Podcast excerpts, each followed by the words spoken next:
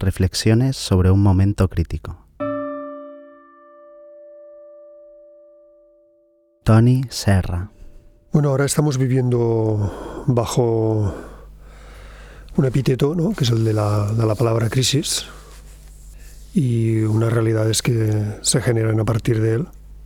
Realmente ahora es un momento que a, un nivel mediático hay una presión enorme ¿no? sobre este término y sobre lo que a partir de él nace. ¿no? Por tanto, es una, un, genera un estado de ansia, un, genera un estado de preocupación. Lo que se tendría que decir es que tanto en, mi caso a nivel personal como de creador, como en mi vinculación a, un grupo, por ejemplo, como OVNI, encontramos más preocupante la fase anterior, ¿no? es decir, la fase de euforia. Porque en esa fase de euforia, para quien estuviese atento, estaban todos los signos que indicaban que se nos estaba conduciendo hacia esta situación. Y lo preocupante es que se iba hacia esta situación bajo el adjetivo que he utilizado, ¿no? euforia. Estos signos de alerta van marcados eh, por la, crisis de una serie de conceptos y de una serie de mecanismos y dispositivos sociales, como educación, trabajo, sanidad, y a la vez la propia concepción, digamos, de lo que podría ser la cultura, de lo que puede ser uh, las nociones de progreso, ¿no? Y todo esto, todas estas señales de alerta van pasando sin que apenas hubiese reflexión y el estado de euforia mercantil que invadía e invade aún al mundo de la cultura hacía que no se reflexionase, ¿no? Y desde los lugares entre los que se ponía a reflexionar, no, no se reflexionaba, ¿no? Y se continuaba, pues en unos casos, una línea de, digamos, de cultural, de, mausoleo, en otros casos, pues una especie de, de autismos, ¿no? Y cuando en realidad se tendría que pedir a, estos centros, a estas instituciones, estos que fuesen los lugares desde los que se generase una reflexión, no solo esto, sino desde los que se preveyese, en el sentido de, fuerte de la palabra, de prever, de, ver con antelación lo que no está patente o lo que está oculto por el velo de información, por el velo de imágenes, por el velo de las noticias, etc. Entonces, claro, vivir durante una serie de años, una más de una década bajo este estado y ver que la reacción no está afectando a los puntos que podrían realmente generar esta transformación era un momento más preocupante que todavía ahora. Creo que ahora estamos en un estado de necesidad y el estado de necesidad conlleva también unas ciertas ventajas. ¿no? La primera ventaja es que la necesidad impide la ceguera. Quiero decir, como necesito, tengo que mirar dónde está aquello que necesito. ¿no? Sean recursos, sean uh, relaciones, sean comunidades, sean... Uh, puestas en crisis de pensamientos y de conceptos. Creo que se ha intentado vender en términos de crisis económica y después es evidente que crisis económica no es. Digamos, los recursos de capital no se han evaporado, si es que alguna vez han existido propiamente, pero digamos, en la forma que tienen etérea y metafísica de existir, no se han evaporado, simplemente se han movido a otros lugares. ¿no? Por tanto, no es exactamente una crisis económica iríamos a un término de crisis política, ¿no? Es decir, hay unos recursos, hay unos bienes, pero no están distribuidos equitativamente, ni siquiera bajo algún tipo de noción mínima de, de justicia social desde el lado incluso más absolutamente socialdemócrata banal, ¿no? Ni siquiera esto. Pero creo que la cosa es más profunda, va más allá de la crisis económica o crisis política, ¿no? Porque lo que está fallando realmente, lo que está cayéndose, es un modelo que es casi un modelo de civilización. ¿no? En un primer aspecto, está claro que una redistribución de la riqueza en el modelo actual es un desastre. Sería una justicia social, pues un desastre planetario, es un desastre a nivel de alimentación, es un desastre a nivel global, ¿no? Es decir, uh, bueno, ya se ha escrito, ya se ha hablado mucho, hay muchos documentales sobre esto, ¿no? No me extenderé, hay todo el movimiento primitivista, toda esta serie de consideraciones, desde los más radicales hasta los más moderados, ¿no? Pero aún iría más allá en cuanto a pensar en términos de una crisis de civilización, y es que creo que realmente lo que está en juego son conceptos fundacionales en toda civilización, ¿no? Como son el concepto de, riqueza. ¿Qué es lo que es realmente riqueza? ¿A qué estamos llamando riqueza? Vivimos bajo el síndrome del pensamiento objetivo. ¿no? Esto es una cosa muy, realmente muy peligrosa porque el pensamiento objetivo si existe, proviene de un consenso y este consenso está pactado por los mecanismos de poder, por las formas de poder, ¿no? Que crean las instituciones de conocimiento, como penales, ¿no? para hablar del objetivo, no judiciales para hablar del objetivo, pero es obvio que términos como riqueza o pobreza están construidos. Están construidos culturalmente están construidos sobre todo mediáticamente. Entonces, ¿a qué estamos llamando riqueza? ¿Y si nos estuviésemos equivocando? ¿Y si estuviésemos llamando riqueza a una forma de miseria? Es decir, si estuviésemos peleándonos con violencia, incluso con crueldad, para alcanzar algo que en realidad uh, es otra forma de esclavismo. Nosotros identificamos a través, sobre todo, por la creación de, del imaginario de los medios de comunicación y de las noticias, imaginamos como pobreza unas determinadas escenas que cuando las vivimos en persona, no como turistas, sino como viajeros o como personas que se asientan y se mezclan en un lugar, ya no los podemos llamar pobreza en absoluto. Es decir, esa pobreza está construida, exportada para ambos lados de la frontera, ¿no? de desarrollo, no desarrollo. Este es un término muy, muy fuerte, claro, un, un, cambio de la noción de lo que es riqueza, lo que es pobreza, es un cambio ya no económico, ya no político, ya no social, es un cambio civilizacional, un cambio de civilización. ¿no? Si a esto añadimos, por ejemplo, el concepto de trabajo, ¿no? o sea, ¿a qué estamos llamando trabajo? Quizás el concepto de trabajo ha sido ocupado como puede haber sido ocupado un territorio, ¿no? Y estamos llamando trabajo a lo que es un secuestro pagado de nuestro tiempo vital ¿Cuántas veces podríamos llamar trabajo que no fuese este secuestro, esta compra de nuestro tiempo, vida? Las respuestas normalmente van a un tantos por cientos muy pequeños. La mayor parte realmente es una compra de nuestro tiempo, vida. No hay interés en absoluto a nivel personal o de desarrollo en ese tiempo comprado, más que el conseguir un dinero. ¿no? ¿A qué estamos llamando educación? ¿A qué estamos llamando sanidad?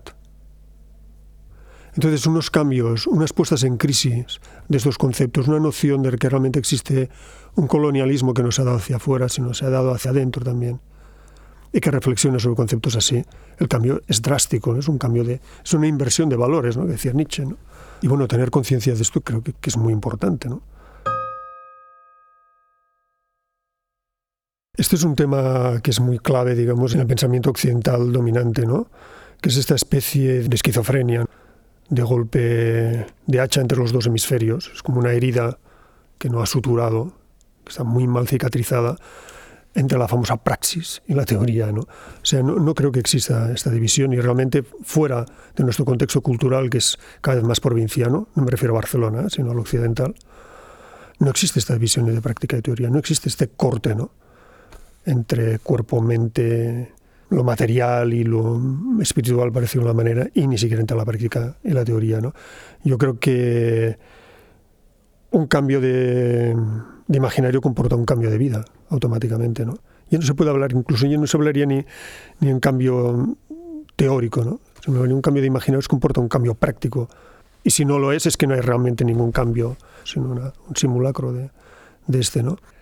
Las puertas de entrada pueden ser muchas, pero en los dos casos comporta esta transformación, ¿no? Y si esta transformación no se da en los valores y en su manifestación, quiere decir que la semilla de cualquier cambio que se haya podido dar va a tener muy difícil de, de poder seguir brotando y florecer, porque están, digamos, la misma información uh, genética, cromosomática, que volverá a repetir lo mismo, ¿no? Entonces, no, no realmente no, no, no puedo ver esta, esta separación, ¿no? Las estrategias o sea, son tan sencillas, es el, básicamente el estado de desobediencia. ¿no? Mientras sigamos eh, repitiendo en contextos a mejor personales las mismas relaciones que existen, por ejemplo, en nuestro contexto laboral, nuestro contexto de relación pública, estamos perpetuando, o sea, podamos situar nuestro pensamiento en las antípodas, es absolutamente igual, es una especie como de platonismo de derechas absolutamente malentendido, ¿no? Entonces la, la, desobediencia es fundamental. La desobediencia tiene que ser Hombre, la desobediencia como conceptos implica violencia. Realmente es una violencia, ¿no? No me estoy refiriendo a la violencia física, pero conlleva una violencia porque es un no. No es solo un no, sino es yo no sigo en este camino. Implica, está asociada a nociones como éxodo, ¿no? Y esto implica un, una apuesta vital, ¿no? Implica, en definitiva, no tanto una renuncia un sacrificio como decir, no, es que realmente reconozco que las posibilidades de vida van por otro lugar. O sea, no es que esté renunciando a trabajar en una institución y hago un sacrificio en base a mis ideas. No, en absoluto. Es que no reconozco que por allí... O sea, reconozco que el sacrificio es continuar en ese camino, que en ese continuar ese camino comporta una renuncia, de hecho una renuncia a mí mismo. Entonces, quiero decir, la opción está clara, no hay sacrificio alguno, no hay acto, digamos, de cristianismo así de capilla y tal, malentendido, hay simplemente un moverse, ¿no? un desplazarse. Busco la fuente de la vida, busco la fuente de la relación con los demás y me sitúo en concordancia. ¿no? Y realmente mi pensamiento estará, está absolutamente ligado a lo que estoy haciendo. ¿no? Es de la otra forma que vivo en esta esquizofrenia. Creo que realmente es precisamente por aceptar esa obediencia a algo que me está secuestrando de mí mismo, por lo que se provoca esta escisión tan famosa que estábamos hablando, ¿no? entre pensamiento y acción, ¿no? Esa disconformidad se está dando dentro del sistema y mientras la estemos sintiendo, quiere decir que estamos aún dentro de, ese imaginario, de esa especie de sueño, de autosugestión, que es, cada vez está tomando más un aspecto de pesadilla, ¿no? La escala de acción ah, de cada ser humano es a escala humana. Quiere decir, no podemos meternos en una escala que supere mucho más a, haya esto, porque allá nos perdemos totalmente. Es decir, la conciencia histórica, por ejemplo, que puede ser tan necesaria, representa tal vez un peso histórico en la persona como tal, ¿no? Como alguien que está buscando un sentido y supervivencia muy grande, ¿no? Entonces, creo que decir que en esto también es importante, ¿no? Que cuando consideremos, lo estemos considerando a una escala individual, con todo que aparte del individuo no existe el individuo como aislado, es decir, está, no somos rizomáticos, absolutamente las relaciones se surgen de una forma natural, no hay que plantearse nada. ¿no? En este sentido es importante también, claro. Yo creo que la idea, por ejemplo, de pensar desde aquí nociones como un modelo mejor, yo diría que el tema es más bien un modelo menor. O sea, el modelo es lo que está, no, no un modelo A, B, C, sino es la propia noción de modelo la que está cada vez menos verosímil. Es decir, la cosa se está escribiendo a cada momento, ¿no? Y esto es muy importante. Y cada aportación que hacemos, está escribiéndose a cada momento, ¿no? Y esto entra en un cuerpo que es social, cultural y de creación de imaginarios. son aportaciones minúsculas, pero ¿de qué está hecho ese imaginario también si no es de esto? ¿Cómo el poder puede girar y revertir todo esto? Efectivamente, esa es la esencia del poder, apropiarse del poder de la vía política, ¿no? O sea, el poder que ya no está basado en el no, sino que está basado en el sí, ¿no? En apropiarse todo esto. Ese es su juego. ¿Cuál es el nuestro? Cuando utiliza la palabra desobediencia y la violencia que conllevan consigo, yo, por ejemplo, utilizaría más una noción de vaciado. Se trata de vaciar los lugares de poder, digamos, de una forma u otra. Vaciándolos, no dándoles nuestra vida.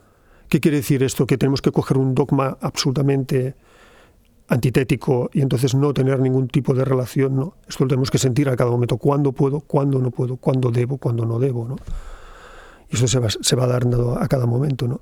Pero estas cesiones que hemos hecho de dar la educación de nuestros hijos a unas instituciones aparentemente neutrales, dar la, la salud a unos supuestos especialistas, todo esto está absolutamente en crisis, esto está en crisis, pero es que menos mal que está en crisis también, ¿no?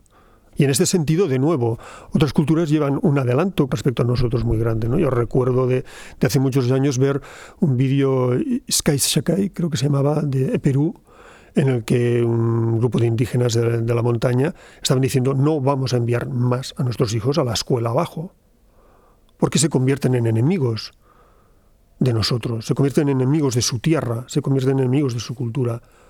Dicen, no, vamos a enviarlos. más, esto es como fundamental. ¿no? Y esto está sucediendo. Y es que no que tampoco creo que haya que proponérselo. No tenemos que coger el modelo, vamos a hacer esto sino que crisis quiere decir que algo se está cayendo y cuando algo se está cayendo provoca un movimiento y este movimiento es el que se está dando. Ahora, ¿quién intenta interceptar, obstaculizar este movimiento? ¿Quién lo facilita? ¿Quién lo observa? Eso es un juego que cada uno tiene que saber de nuevo en su escala. Uno de los problemas de los que partimos es que cuando también, de la misma manera que Estábamos hablando de este carácter ocupado que puede existir en términos como trabajo, educación, sanidad, etcétera, y esta cesión, ¿no? Lo mismo sucede con la noción de cultura o, de saber, ¿no? Realmente, o sea, estamos utilizándonos y repitiendo toda una serie de términos sin darnos cuenta de todo el elemento que conllevan de colonial. Colonial respecto a nosotros mismos, ¿no? Es decir, cómo Occidente ha generado un pensamiento dominante que ha arrasado otras formas de pensamiento, ¿no? que están en nuestra propia tradición, ¿no? con lo cual podríamos quizás identificarnos más. ¿no? Y cómo a la vez este pensamiento dominante occidental, considerando inferior a otros pensamientos, se coarta a sí mismo, se corta a sí mismo de posibilidades de transformación. Cuando se habla en términos de multiculturalidad es patético porque en realidad implica un reparto de tantos por cientos en función de una posición de poder que detento yo y voy a reconocerte un 0,5%, un 1%, y lo voy a etiquetar bajo la forma de colorista, folclórico, alegre, más cercano a las raíces, etcétera, ¿no? Pero en realidad cualquier eh, encuentro de conocimientos implica una transformación. Estamos dispuestos en este diálogo con otras formas de conocimiento a ser transformados, hasta dejar de ser nosotros para poder ser realmente nosotros, ¿no? Porque somos en transformación si no nos transformamos no somos, no somos realmente nosotros, ¿no? Es una especie de fósil viviente, ¿no?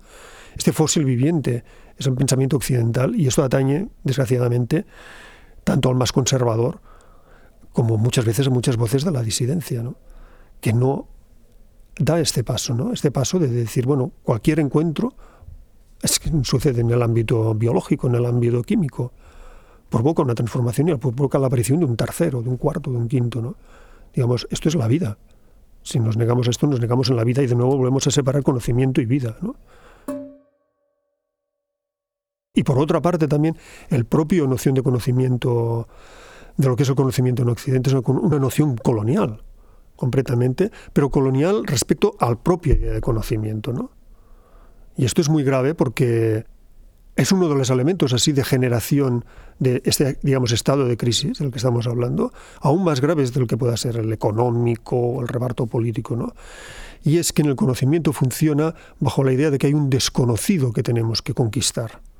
Hay un desconocido en el que el conocimiento va avanzando, ¿no? La ciencia va avanzando, cada día sabemos más, cada día el conocimiento va avanzando, pero en el propio Occidente hay una tradición no muy lejana que nos decía lo contrario, que nos decía el conocimiento no es el acceso a lo desconocido, sino el acceso de lo desconocido. Un cambio de proposición y el mundo gira. Es un cambio copernicano prácticamente, ¿no? O sea, cuando abrimos el conocimiento, estamos abriendo la puerta de lo desconocido. Quiere decir, del no saber, de donde mi saber se acaba, de donde me acabo, de donde ya no soy y donde me reconozco a la vez. En este no ser, no saber, porque es es un término donde de lo inefable, donde las cosas no están definidas, ¿no? por tanto de extrema libertad. Y por otra parte, sitúa mi saber, no lo niega, sitúa mi saber en un contexto en el que no hay avance, ni conquista, ni ocupación posible. Es una pequeña partícula que participa de este no saber, ¿no? Y quiere decir, es una posición de un respeto enorme hacia todas las cosas, hacia las formas de vida, hacia nuestro propio cuerpo, hacia el conocimiento, hacia lo social, ¿no? no tener en cuenta en esto es pensar en términos de alteridad constantemente, también en el conocimiento. Y alteridad implica un otro a ocupar, a explotar, a sacar el máximo provecho, sea nuestro cuerpo como trabajadores, sea la tierra, sea la agricultura, sea la comida, sean las personas.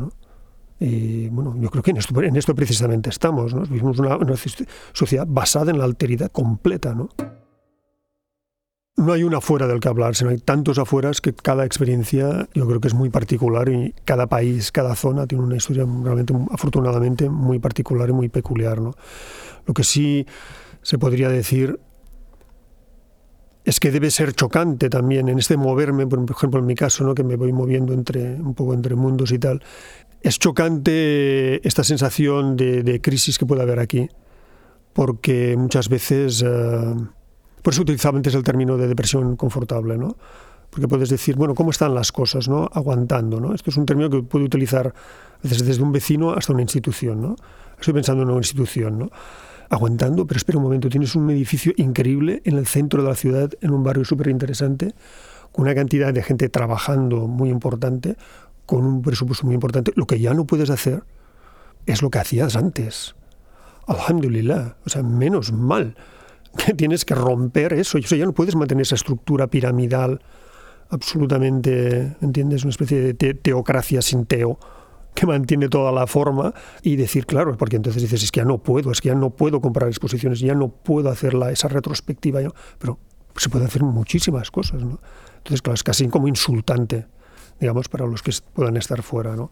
Porque es, es una pena, ¿no? infraestructuras, edificios perfectamente dotados, con equipos de todo tipo, con gente preparada para trabajar, con salas, con situados muy bien situados en la ciudad y, y están aguantando. Bueno, claro, o sea, algo hay que renunciar, ¿no? Pero es que este renunciar, vuelvo a, vuelvo a insistir en lo de antes, no es renunciar, la renuncia está en mantenerse en esto, porque esto está no funcione. O si realmente, y si volviese a funcionar, tengo que decir qué pena.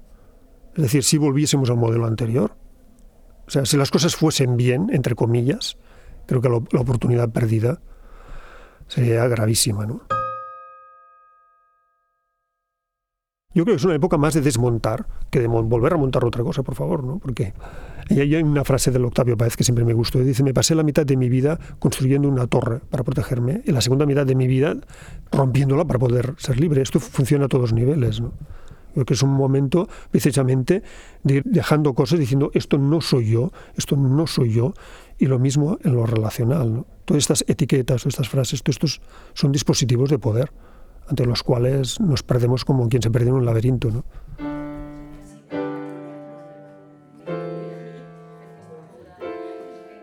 Ana Longoni. Quizás lo primero que habría que decir es que en América Latina las crisis son moneda corriente, es decir, que esto es que en, Europa se vive como una situación inédita después de cerca de cuatro décadas de mucha estabilidad. En América Latina, en cambio, venimos de continuas crisis. A lo largo de mi vida, tengo cuarenta y pico, ya padecí varias de esas. Eh, hiperinflaciones, golpes de Estado, caídas de gobiernos civiles, bueno, inestabilidad política, pero también económica. Y eso quizás nos predisponga de otra manera frente a la crisis. O sea, pareciera que, por un lado, sabemos que de la crisis se sale de alguna manera, se inventan otros modos de, vivir en comunidad.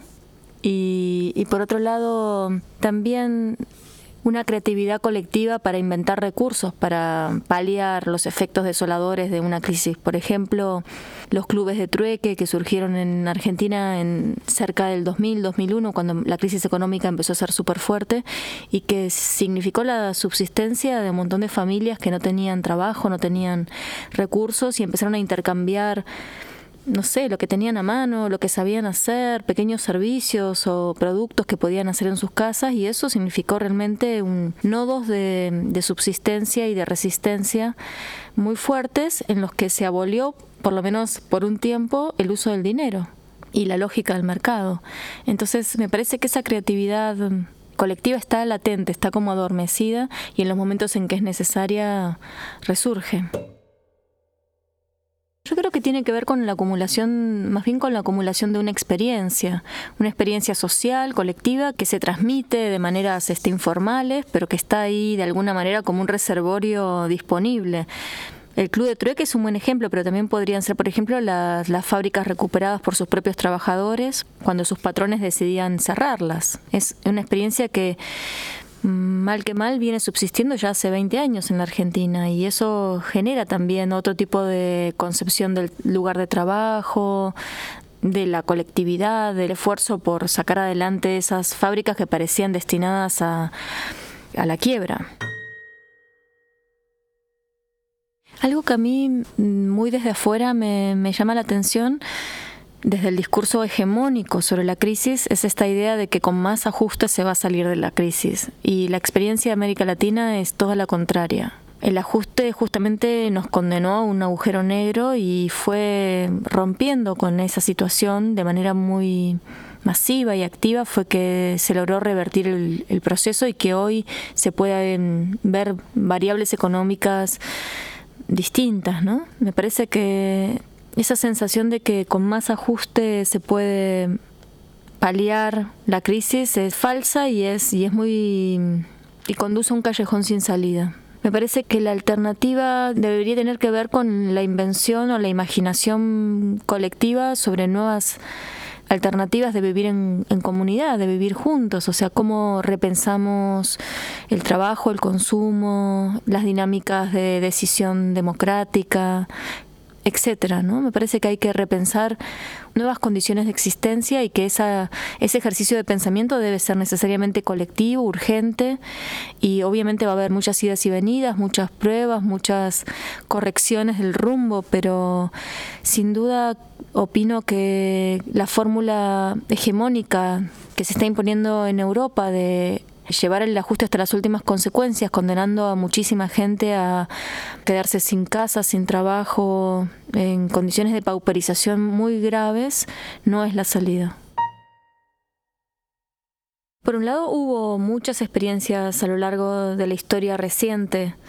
Una muy fuerte se dio en torno al 2001, a la crisis de finales de diciembre del 2001 en Argentina, en la que durante dos años se abrió como un periodo muy particular que se podría definir en términos de Gramsci como quiebre de la hegemonía, en el que en muy pocos meses pasaron seis gobiernos que no podían, digamos, recomponer ese orden hegemónico y se vivió una fuertísima represión, pero también una vitalísima capacidad de la gente de organizarse, de organizarse en asambleas barriales, de organizarse en interasambleas para hacer una especie de órgano de gobierno colectivo más grande, de organizar, por ejemplo, medios de contrainformación para dar a conocer lo que estaba pasando, que los medios oficiales no, no informaban y mm, una serie de organizaciones, por ejemplo, de trabajadores desempleados, que fueron muy fuertes también.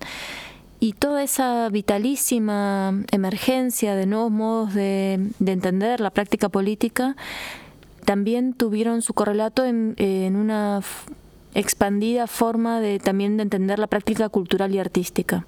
Es decir, fue también muy impresionante como en ese periodo surgieron como reguero de pólvora muchísimos colectivos de arte activista que inscribieron sus modos creativos de ocupar el espacio público en ese trabajo colectivo asambleario que se estaba dando. Hay que decir también que ese periodo fue breve, duró dos años y que se interrumpió, habría que hacer un balance más extenso, pero por un lado por las propias dinámicas muy sectarias y confrontativas de algunos grupos de izquierda y también porque se recompuso de alguna manera el orden hegemónico a partir del primer gobierno de Kirchner. O sea, ahí hay otro periodo histórico que se abre, que tiene otras características, en el que de alguna manera se vuelve a mm, confiar en este pacto con la democracia representativa, se vuelve a votar y las movilizaciones que eran cosa de todos los días eh, empiezan a mermar o a hacerse cada vez más raleadas. Eso por un lado, pero también es cierto que el periodo que se abre con el gobierno de Kirchner del 2003 en adelante inaugura otros procesos que son muy interesantes y que además tienen muchos puntos de coincidencia con gestiones que están habiendo en otros países de América Latina como Bolivia, Ecuador, Brasil, Venezuela, Uruguay. Y se podría hablar de en los últimos 10 años de un proceso Primero, de resurgimiento de una idea de América Latina, de una idea de posición regional que no, existía en, en, las últimas décadas, que es muy fuerte y que confronta con la lógica, digamos, del eje norte-sur como un eje dominante. Pero también se han dado procesos muy interesantes, por ejemplo, de, cierto reparto, cierto desborde de la riqueza en favor de los sectores más subalternos, cosa que es evidente en muchos países, ha cambiado, digamos, el índice de pobreza, se ha achicado muchísimo. Y en el caso de, sobre todo de la Argentina, se ha dado un proceso muy importante de justicia respecto de la impunidad que estaba instalada y legalizada a los represores de la última dictadura, ¿no? a los responsables del genocidio del 76-83. Entonces son condiciones, digamos, muy distintas a las del 2001-2003, pero son condiciones mm, también distintas a las de la década del 90, que fue una década de auge neoliberal y desmantelamiento de la producción, del trabajo, de pauperización de la clase media y los sectores más pobres. Todo esto eh, está tendiendo a cambiar pero es cierto que en los últimos años el factor, digamos, de estos nuevos organismos o nuevas formas de hacer política también ha entrado como en una fase de cierta institucionalización. Eh, digo, en plena crisis, en pleno terror de Estado, con una situación social absolutamente arrasadora y sin embargo se activaron esas energías colectivas y hubo una creatividad para inventar con nada, con muy precarios medios, poniendo el propio cuerpo del artista o del activista como el territorio de manifestación de esas prácticas en primer plano, ¿no? Y me parece que esos modos de confrontación que no esperan a tener grandes recursos para ponerse en práctica, ni autorizaciones, ni convocatorias institucionales, sino que parten por otro motor que tiene que ver con el deseo colectivo de cambiar las cosas, ¿no?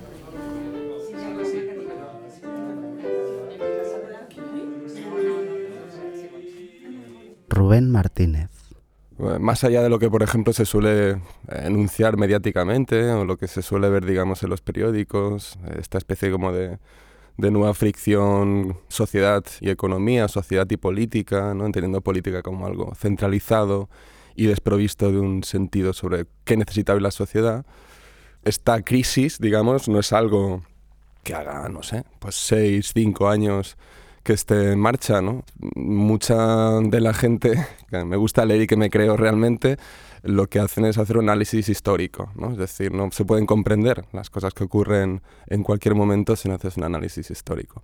Y de hecho la crisis, digamos, del capitalismo tardío tiene una onda larga de unos 30 años en los que a partir de los 70 aproximadamente, ¿no? Eh, las primeras crisis, digamos, fuertes o que eran sistémicas, pues lo único que han hecho han sido intentar desplazar esa crisis, ya sea temporalmente, ¿no? produciendo deuda en otros lugares que podían abastecer de liquidez a ese espacio en crisis, o geográficamente, es decir, desplazando, por ejemplo, hay un caso muy claro de este desplazamiento geográfico o espacial de la crisis, como es la búsqueda de, mano de obra barata en otros países, ¿no? donde los costes eran menores. Entonces, yo creo que para entender la crisis de hoy hay que entender ese tipo de procesos necesarios de acumulación, ¿no? de buscar espacios nuevos, sabia nueva, tanto espacial como temporalmente, y que hoy en el fondo no es otra cosa que el colapso, la imposibilidad de encontrar más espacios que usurpar y la imposibilidad de paralizar temporalmente más esa crisis. Estamos ante el colapso de una crisis que viene de 30 años y que ahora mismo, pues, en fin, toda la savia, todos los huecos, todos los espacios de producción social, ¿no? todos los lugares que incluso podían insinuar una alternativa, pues son usurpados. ¿no?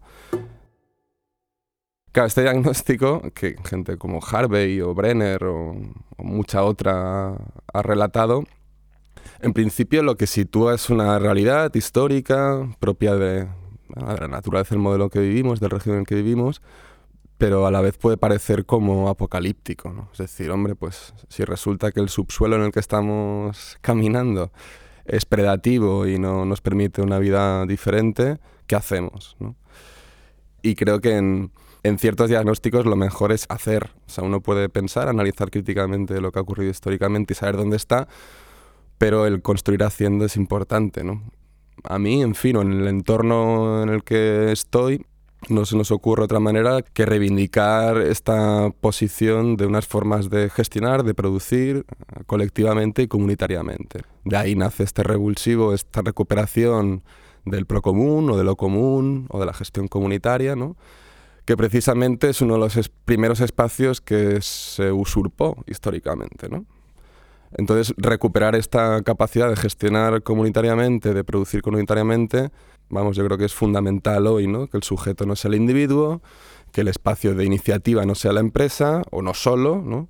Y que el lugar de gobierno no sea el Estado o, digamos, las instituciones formales, ¿no?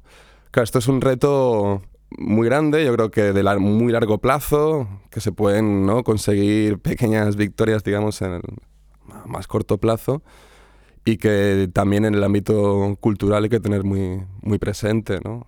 No sé, cuestiones como movimientos o procesos como los de la cultura libre dan algunas pistas, ¿no? Yo creo que no todas, pero algunas pistas.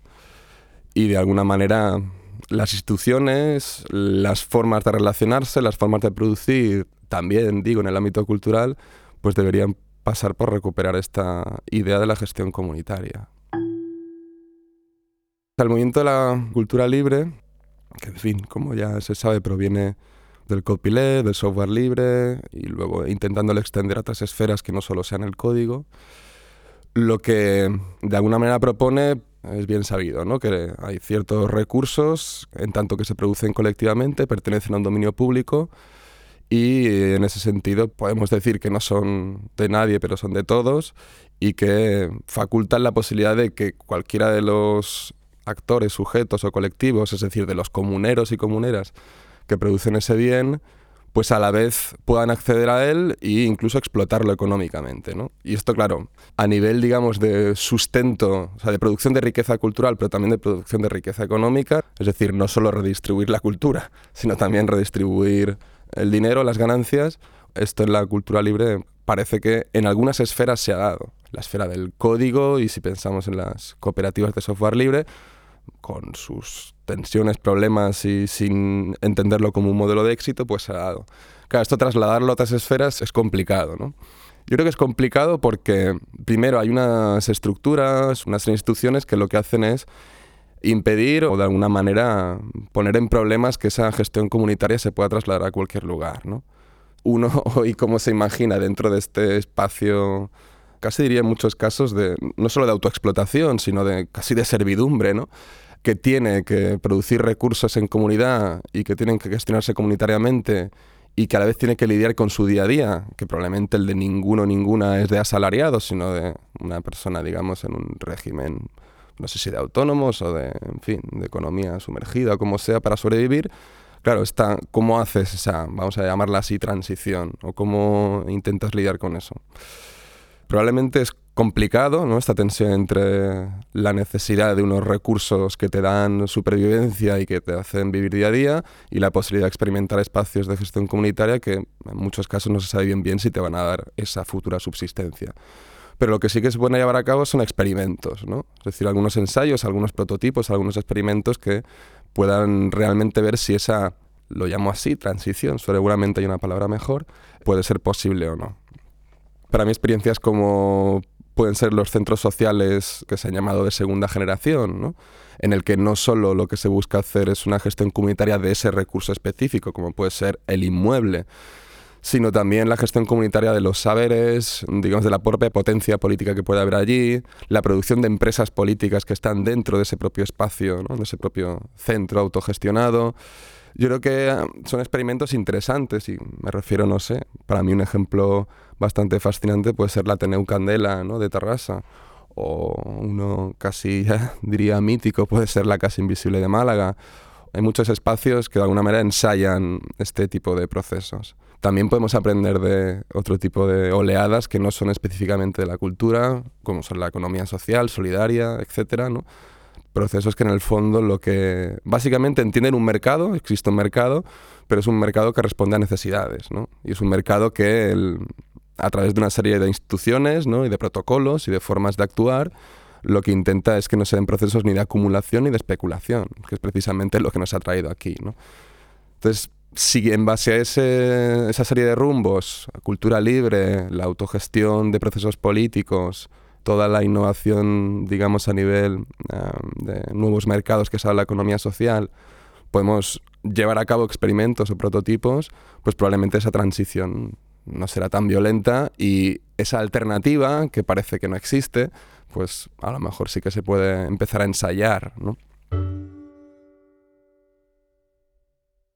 En una, investigación que estamos realizando hace tiempo, una investigación se llama Empresas del Procomún, precisamente lo que buscábamos era ver si esas empresas de base cognitiva, cultural, creativa, como pueden ser tanto Platón y como Cemos, como muchas otras que sabemos, podían entenderse desde ese plano en el cual hay una producción comunitaria, un recurso, un dominio público, pero que a la vez genera una economía para las gentes que producen, para las gentes que crean, etc. ¿no?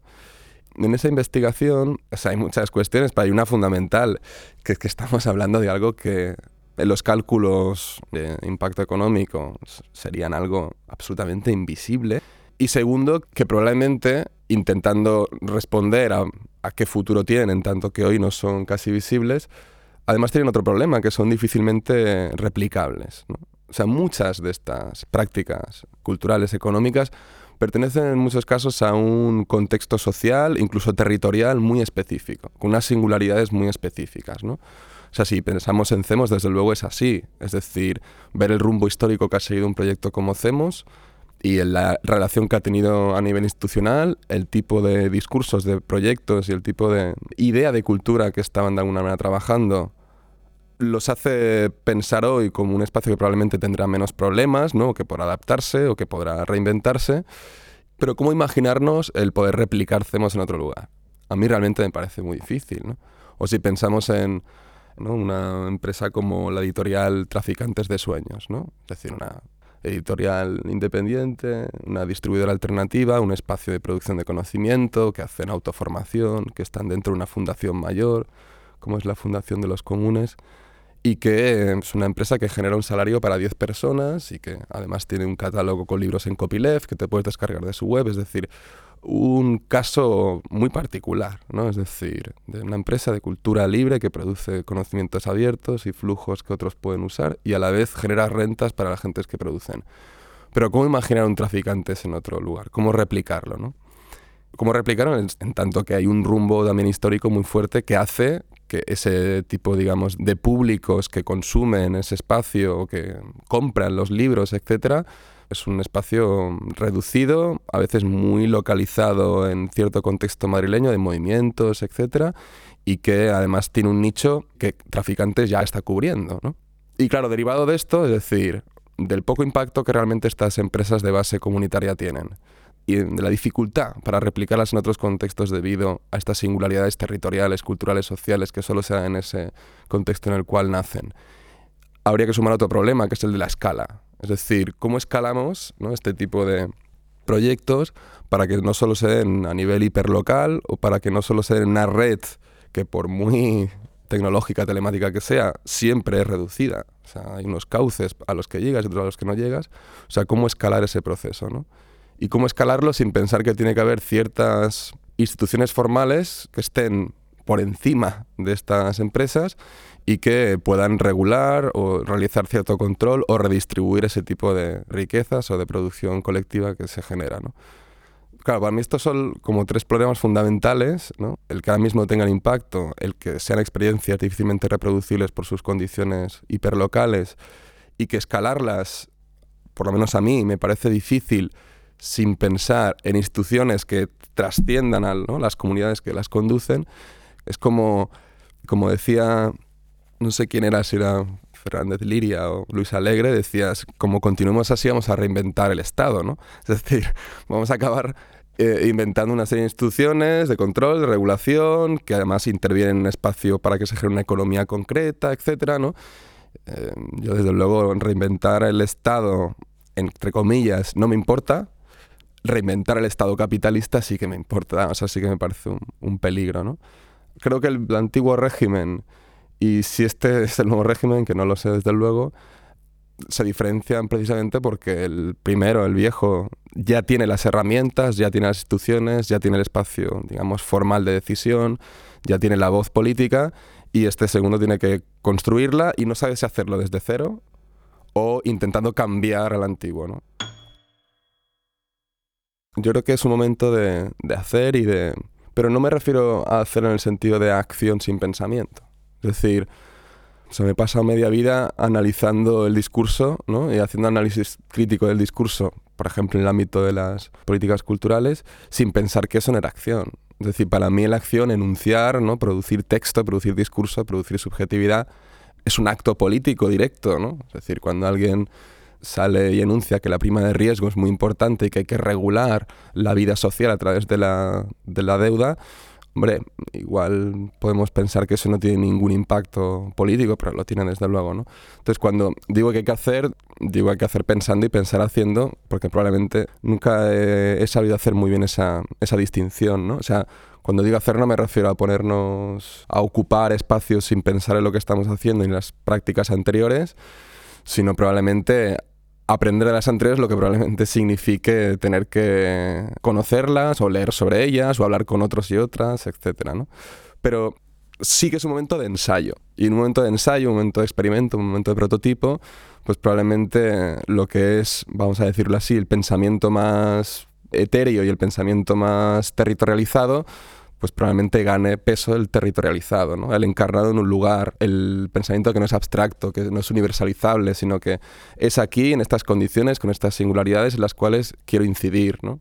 Y de hecho tiene mucho que ver con lo que comentaba antes, es decir, si hay prácticas no replicables porque se deben a unas singularidades territoriales, sociales, culturales, pues probablemente tendremos que entender las nuestras. Es decir, yo aquí, ahora, en Barcelona, en el contexto, con la red social que tengo, con los procesos, digamos, de desposesión concretos que hay en esta ciudad, con las formas de especulación que se ha tenido con la narrativa de la ciudad.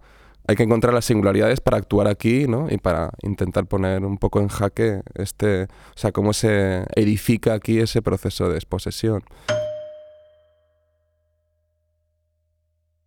Yo, por ejemplo, o sea, estoy en un espacio como Think, que es un espacio que tiene que ver más con asesoría, consultoría, dentro de la cultura y el ámbito creativo. Pero también, por ejemplo, estoy en espacios como el, Observatorio Metropolitano de Barcelona y para mí eso personalmente es una tensión, es decir, muchas veces transito discursos y formas de hacer muy diferentes, pero si veo el discurso que hay en un espacio y en otro, es decir, los dos los transito y, formo parte de ellos y no los veo como algo ajeno a mí, ni mucho menos. Es decir, no voy a hablar en tercera persona de cada uno de estos espacios.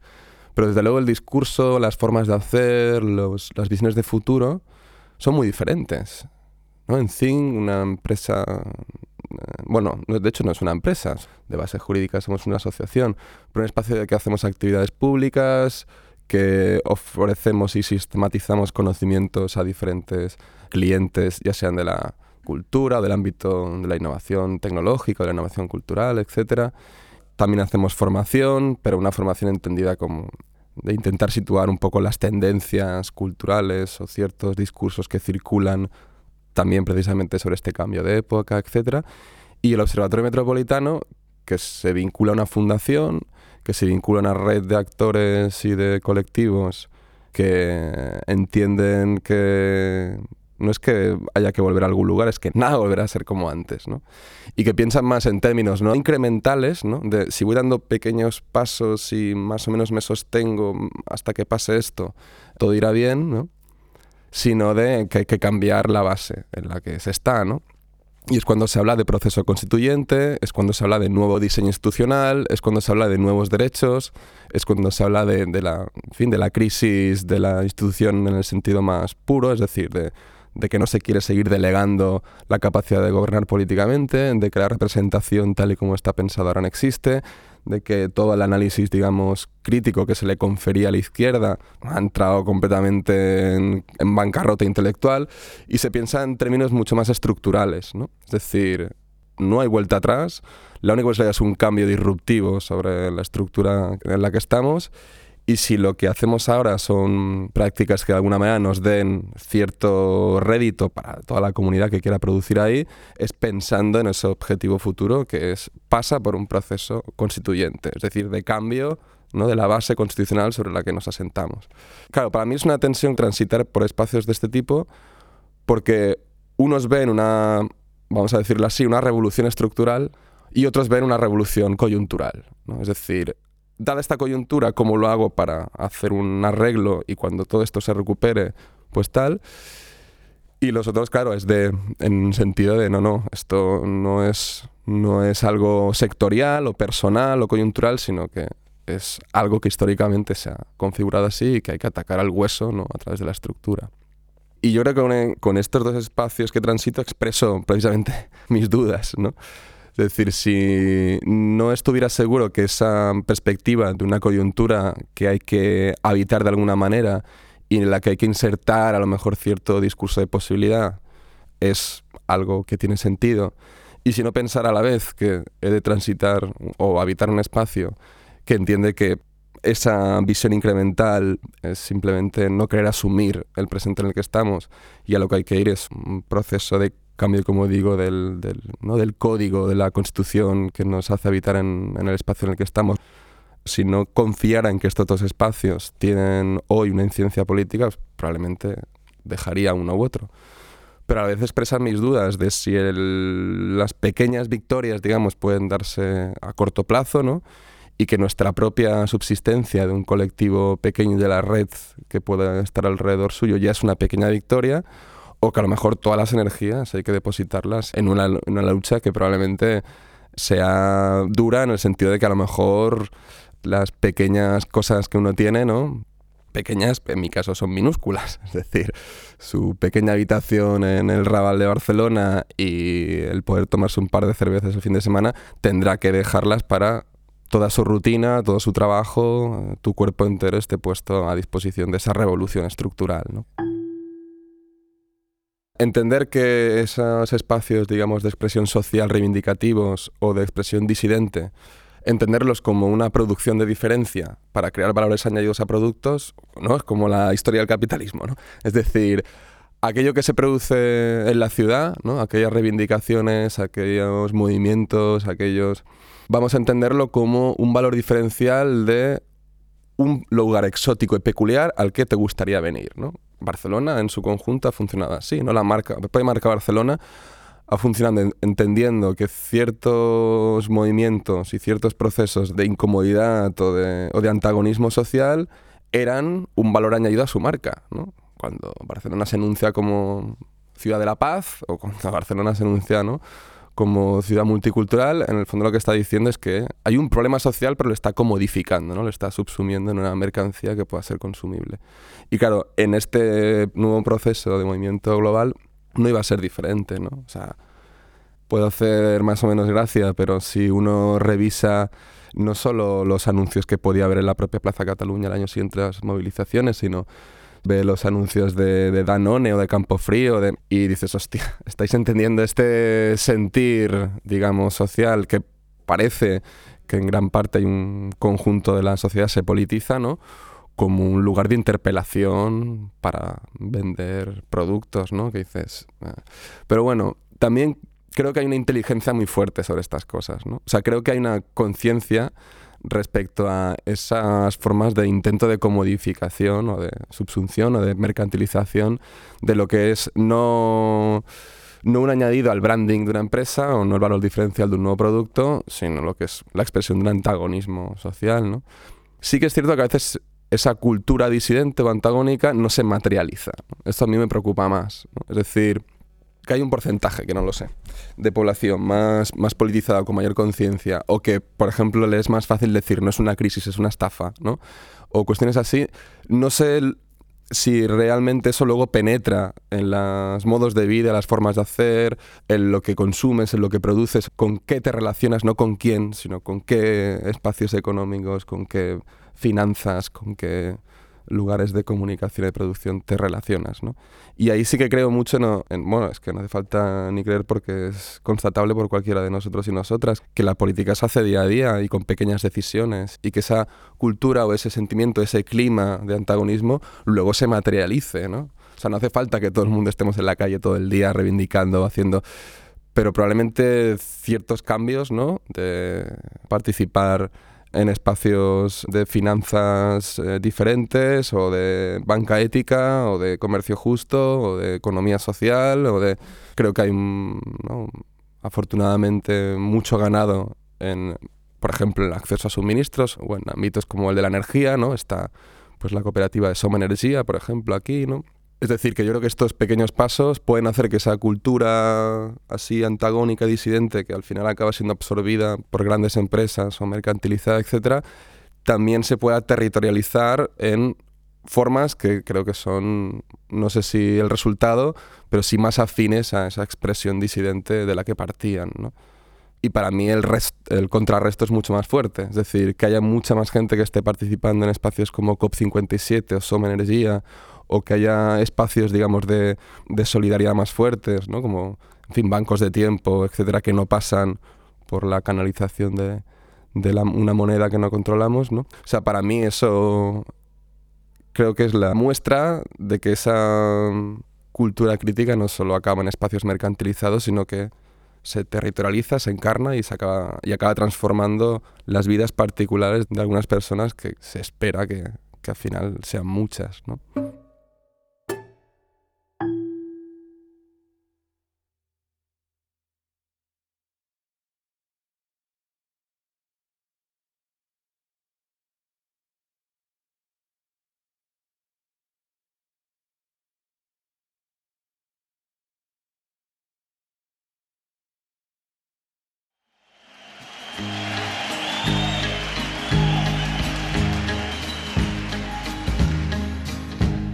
My bills are all due and the babies need shoes, but I'm busted.